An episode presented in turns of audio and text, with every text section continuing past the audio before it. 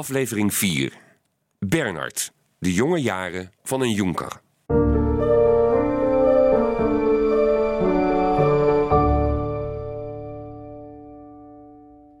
In het hart van Duitsland, gelegen tussen de Wezer in het westen en het Teutoburgerwoud in het oosten, ligt het vorstendom Liepen.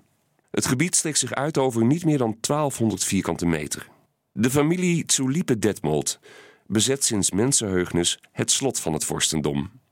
Het enige probleem is dat Woldemar, die sinds 1875 regeert, geen nazaten heeft.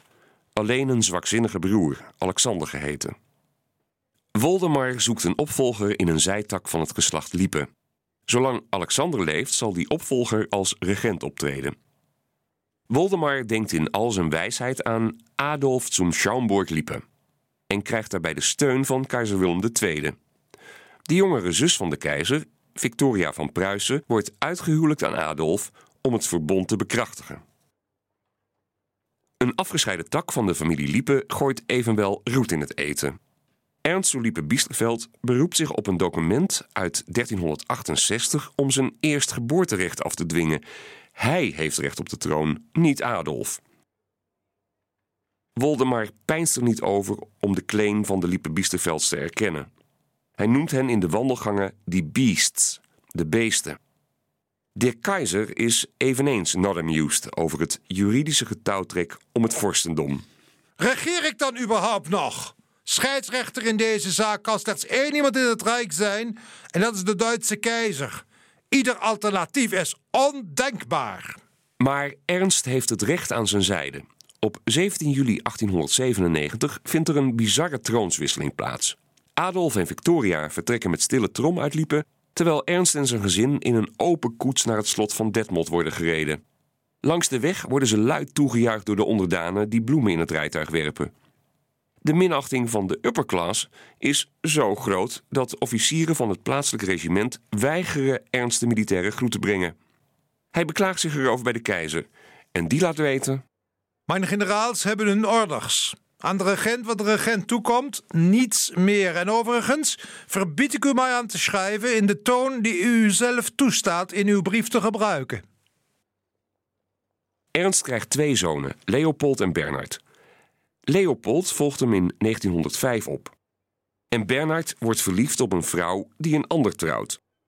Maar Armgard, zo heet die vrouw, is ook op hem verliefd. Drie jaar na haar huwelijk worden ze vrijend in een schuurtje in de heuvels bij Paderborn betrapt. De bedrogen echtgenoot wil onmiddellijk scheiden. Een jaar later trouwen Bernhard en Armgard alsnog. Natuurlijk is het huwelijk met zoveel schandaal omgeven dat Leopold een wettelijke verbintenis uitsluit voor zijn jongere broer. Er moet met de linkerhand worden getrouwd, wat wil zeggen dat de vrouw geen aanspraak kan maken op de titel of het vermogen van de man. Ze krijgt alleen een financiële vergoeding, die heet een morgengave. Zo'n morganatisch huwelijk is in feite niet meer dan een geregistreerd partnerschap voor een maîtresse. Maar ook morganatische huwelijken brengen kinderen voort. Op 29 juni 1911 wordt Bernhard graaf van Biesterveld geboren, onze toekomstige prins Gemaal.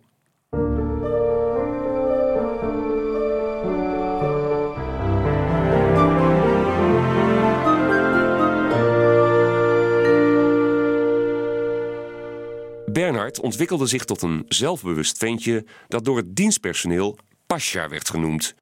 Hij liep over het landgoed alsof de wereld van hem was, merkte Armgard vertederd op. Ze verkoos de brani van haar eerstgeborene boven het timide gedrag van Ashwin, de drie jaar jongere broer van Bernhard. Maar de wereld was niet meer van hem. De deceptie van de Eerste Wereldoorlog had de Duitse adel van de troon gestoten. Bernie, zoals zijn vader liefkozend werd genoemd, maakte in 1914 de slag bij de Marne mee. Hij berichtte zijn broer: Het is een afgrijzelijke oorlog en de offers zijn verschrikkelijk. Ongeveer 70% van de officieren en de helft van de manschappen zijn we al kwijt. De veldslag woedt sinds eergisteravond voort. Nu, om 9 uur s'avonds, houdt het kanonnengedonder langzaam op. Morgen gaat het voor de vierde dag door de arme troepen, alle nachten in het zicht van de vijand in de vuurlinies. Voor zijn verdiensten als frontsoldaat kende zijn dankbare broer Armgard en haar zonen alsnog de prinselijke titel toe. Zu liepe Biesterveld. De Duitsers schroeven zich in na die eerste slag bij de Marne, het begin van de loopgravenoorlog. Het Pruisische ideaal van de roemrijke krijg ging voorgoed ten onder tijdens de dagenlange slachtpartijen met al hun bloed en modder, honger, kou en epidemische ziektes, het stinkende niemandsland met de ontbindende kadavers en lijken. De werkelijke onttroning van de adel vond plaats tijdens de Novemberrevolutie van 1918. De koning van Beieren trad als eerste af. Daarna volgde de hertog van Brunswijk, toen de overige twintig vorstenhuizen. Der keizer vluchtte naar Nederland en op 11 november werd in een spoorwagon in de bossen bij Compiègne de capitulatie getekend.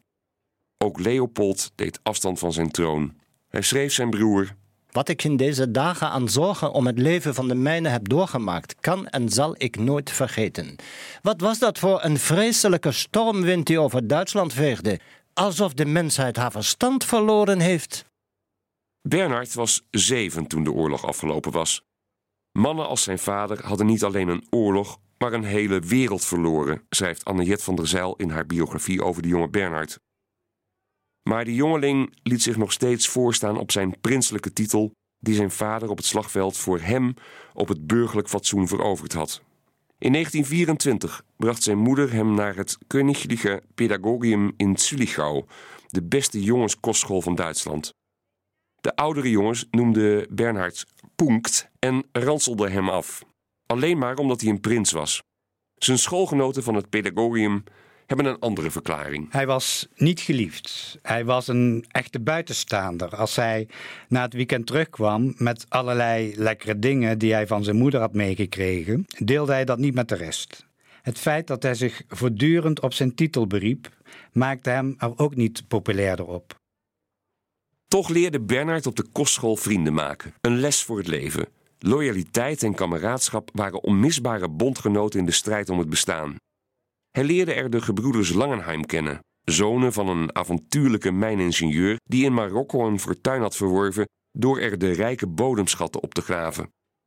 De ingenieur was er niet langer welkom na de oorlog. De Langenheims moesten niets hebben van de Weimar-republiek en droomden van de herreizenis van Duitsland uit de as van Versailles. Eigenlijk droomde iedereen dat in de jongenskostschool. Het internaat was een vergaarbak van verarmde adel, merendeels afkomstig van de landerijen ten oosten van de Elbe, de zogeheten Junkers. De jongeren waren ontvankelijk voor de boodschap van Adolf Hitler en zijn NDSAP. Es geht ums Land der Väter. Deutschland erwache. Bernhard ambieerde een diplomatieke carrière en volgde een rechtenstudie aan de Ludwig Maximiliaans Universiteit in München, toen tijd een extreem rechtsbolwerk. Liberalen en Joodse professoren waren er weggepest voordat der aan de macht kwam. Wat was de houding van de prins toen Hitler op 30 januari 1933 als de nieuwe rijkskanselier werd gepresenteerd? Bernhard schreef zich in als partijlid van de NSDAP op 27 april 1933. Ook zijn vrienden Langeheim en hun ouders deden dat. Later ontkende hij in alle toonaarden dat hij ooit een nazi is geweest. Bedell Smith, de stafchef van Eisenhower, heeft mij de ledenlijst laten zien. Je staat erop, zei hij, als lid. Ben je belazerd, zei ik. Ik ben nooit lid geweest. Ik weet niet hoe ik op die lijst ben gekomen. Wel gaf hij onomwonden toe deel te hebben genomen aan de Motor-SA. Je moest in het begin wel op de een of andere manier een beetje meedoen, want ze lieten je ijskoud voor je examen zakken. Intussen had Bernhard zijn universitaire studie opgegeven voor een carrière in het bedrijfsleven. Hij liep stage bij IG Farben in Parijs. Die koersverandering had voornamelijk te maken met de financiële situatie waarin zijn familie verkeerde. Die was schrikbarend. De crisis van de jaren 30 had flink huis gehouden.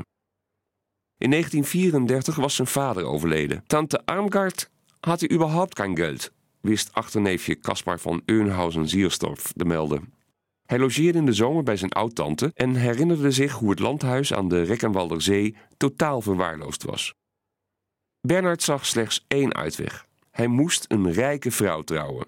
Daarmee zouden alle problemen verdwijnen voor de enige vrouw in zijn leven waar hij volgens Anniette van der Zijl werkelijk van gehouden heeft: zijn moeder. Het was in die dagen, dat hij bij de Nederlandse gezant in Parijs, John Laudon, informeerde hoe hij in contact kon komen met de kroonprinses in Nederland. In februari 1936 zou hij haar quasi toevallig ontmoeten in het skioord Siegel. Luister naar de eerste aflevering van Illustere Levens over Juliana, hoe in de maanden daarna de verloving tot stand kwam.